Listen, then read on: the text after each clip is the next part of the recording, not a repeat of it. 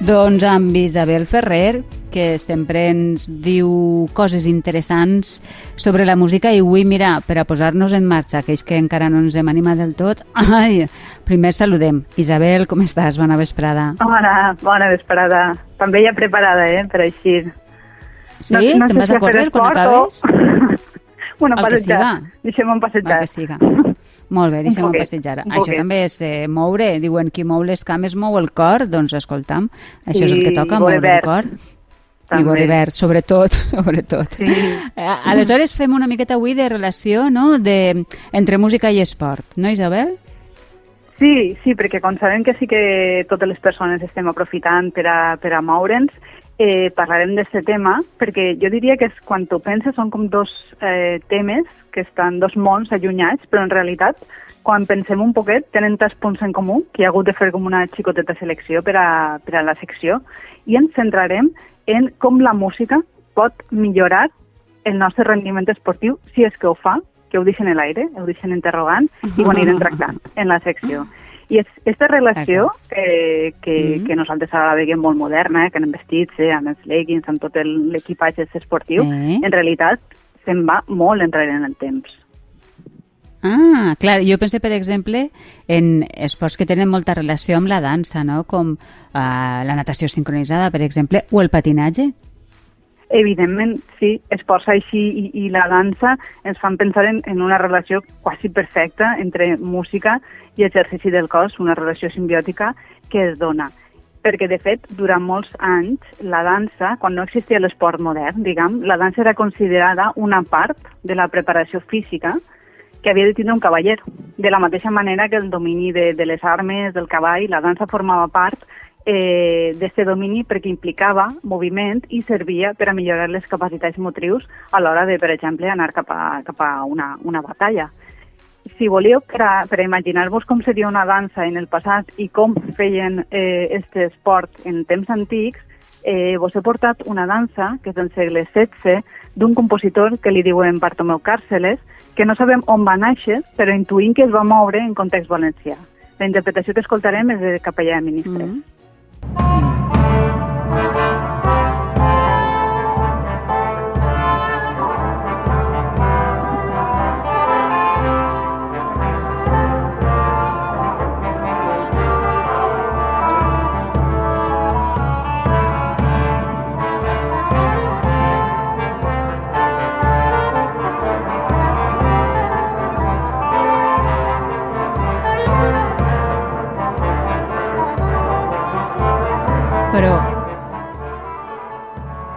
Però Isabel, aleshores eh, estem dient que això seria més o menys com, com una mena d'aeròbic del moment? Sí, bueno, podríem dir-li així, òbviament en aquell moment no, no, no li deien així ni res similar, Clar. però eh, aquest tipus de, de danses, ells tenien com la intuïció que hi havia pràctiques físiques que encara que fora això per a, per a la batalla milloraven el cos i la dansa era la, la millor excusa perquè a més gràcies a la música pues, es divertien i com eren danses cortesanes es relacionaven entre ells, entre, entre els membres de, de la cort, entre homes i dones, o sigui que era com un tot, eh, tot en un. Han hagut de passar molts anys fins que, fins que hem decidit posar-nos a esbrinar què passa en el nostre cos quan fem esport i escoltem música simultàniament.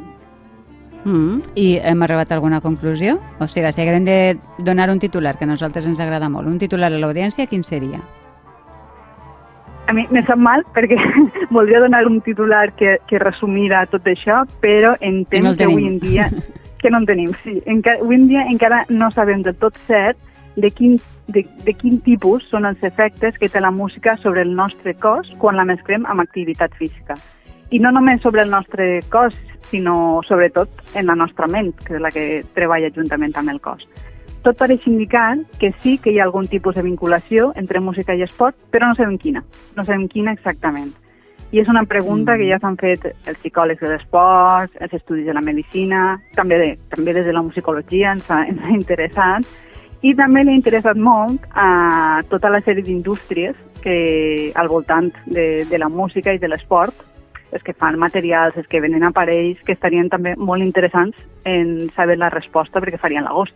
Seria, seria una fórmula màgica que s'estaparia ahí, però clar. Uh, no sabem. El que tenim són algunes xicotetes respostes, però per ara res més. I eh, què vol dir xicotetes respostes? Doncs que tenim una quantitat gran d'estudis que ens diuen coses aïllades i ens semblen indicar que sí que la música podria millorar alguns aspectes de la pràctica esportiva. I curiosament, tot i que molts d'aquests estudis sí que parlen de que hi ha una millora, eh, que la música afecta positivament a l'exercici físic, en el rendiment, finalment la resposta és que la música, per ella mateixa, ella sola, no millora el rendiment esportiu.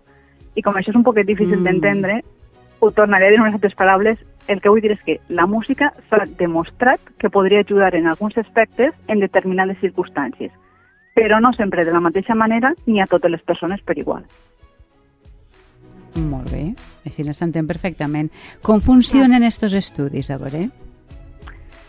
Jo diria que la problemàtica més gran a la qual s'enfronten és que en la música i esport hi ha tants factors que juguen al mateix temps, que poden estar mm. influint mm. en, en que millor el rendiment, que és molt difícil separar-los. Per exemple, anem a, anem a fer un, un experiment. Jo he posat en un cercador d'internet eh, mm. les paraules música per a córrer i els de moltíssimes propostes m'ha eixit esta que escoltem a continuació. Everybody's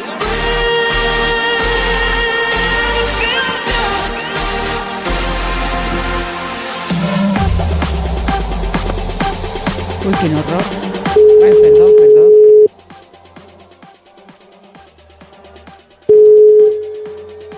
Hola, s'ha tallat Isabel? S'ha tallat Isabel, no passa res. Jo eh, estava comentant quin horror. Però a veure, però horror de què? Però, però, però, però, però esta falta ja de respecte... Però esta no, falta perdona, de respecte perdona. al discotequeo no, València, no. què és? Ara veuràs, ara veuràs. No, al discotequeo en general, no només al València. Tens raó potser no ho he dit bé. M'he imaginat jo corrents, que ja es tindré com a molta imaginació, saps? I damunt posar dir, això, jo... en els cascos. Sí, i en els cascos. I clar, dic, això a mi no me quadra, però, però gens ni miqueta. Escolta, que jo corria, eh? El que passa que, eh, en fi, ja, ara ja no. Que tu vas deixant. Corria. Ens passa a tots, a mi no també. vaig deixant, a poc Però sí que en els cascos... Mira, t'he de dir una cosa, Susana. Ha sonat este tema i de seguida ens hem posat tots en control també.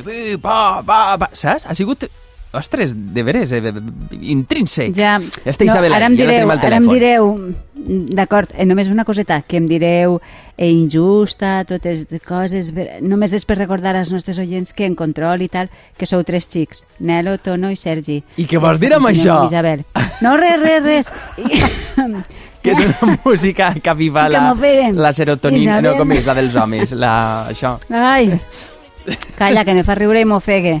Isabel, jo li deia, mentre s'ha tallat, li deia a Nelo que a mi personalment sí. esta música no, no me inspira per a córrer. A mi, no sé, no sé a tu. Sí, clar, això és una dels, dels, de les, les problemàtiques que, que, que troben, perquè esta música, n'hi ha moltes persones que, que la relacionen en que ens ajudarà a córrer, cosa que ja hem vist que no sempre passa, en, en algunes mm -hmm. persones, però el, que, el problema que es troba en la gent que estudia això és que no sabem eh, per què existeix esta, esta millora.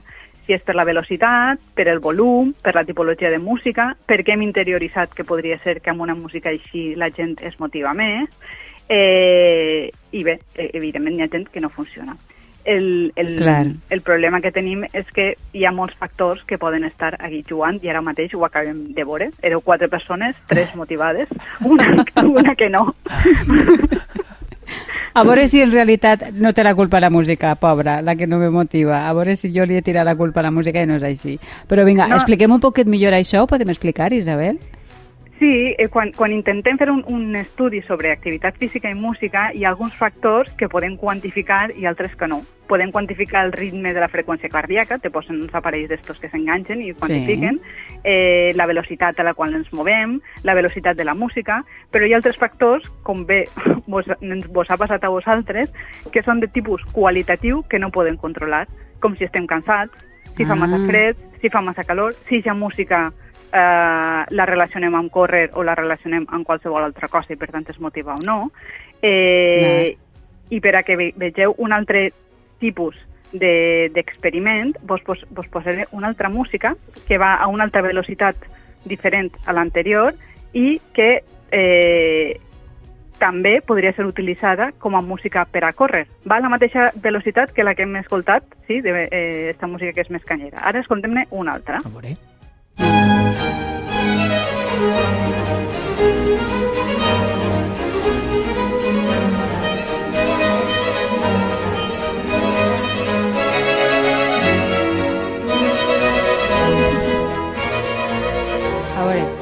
Això és Vivaldi, Eh, això és, és molt, molt conegut. A, a mi, ritme, a mi se m'acopla més, eh? Pel ritme al que jo correc se m'acopla bastant més. Doncs és, realment la velocitat de la pulsació, encara que no ho sembla, és la mateixa en esta música que en l'altra. El que passa és que a uns els agrada més una i als altres l'altra. I això és molt difícil de, de mesurar amb tècniques matemàtiques, que és un problema que tenen tots aquest tipus d'estudis. Mm. Per tant, Ah. ens quedem en la incògnita no, de, de, de saber si, és, si, si este factor millora el rendiment físic o no de la música. Mm. No res, queden incògnites. Som un programa d'incògnites, vull dir, no? Sí. les anem posant al fer més i preguntes vull que dir... respostes. Clar, clar, no passa res. Però, escolta'm, eh, jo pensava, eh, jo dic, ara Isabel vindrà i ens descobrirà el secret per a fer esport sense esforç. No, o amb una ja- miqueta menys. ja Ja m'agradaria. està, igual, igual podríem valorar si, si el passàvem a la indústria i no, eh, o no, però el que, el que m'agradaria dir és que podem saber moltes coses sobre música i rendiment esportiu, però més acotades, perquè les persones són molt variades i, clar, n'hi ha diferents, diferents eh, situacions. El que podem fer és fer molts estudis i acumular moltes dades. Aleshores, d'aquesta forma sí que podem arribar a conclusions un poc més sòlides. Vinga, va, que coneixent-te segur que ens has preparat algun exemple d'aquestes cosetes, que sí que sabem.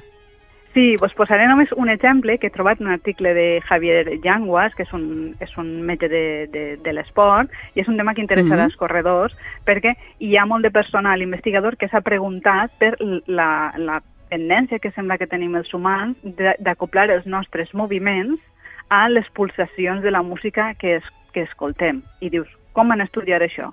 Doncs demanaren a 32 dones i, i homes, 16 i 16, que amb una bicicleta estàtica pedalejaren a 50 revolucions per minut mentre escoltaven Mm. una música a 100 revolucions per minut, que és equivalent. És a dir, el ritme de pedaleig era coincident amb la música. Per imaginar-nos que, són, que són 100 pulsacions per minut, posem una altra música a aquesta velocitat. A veure.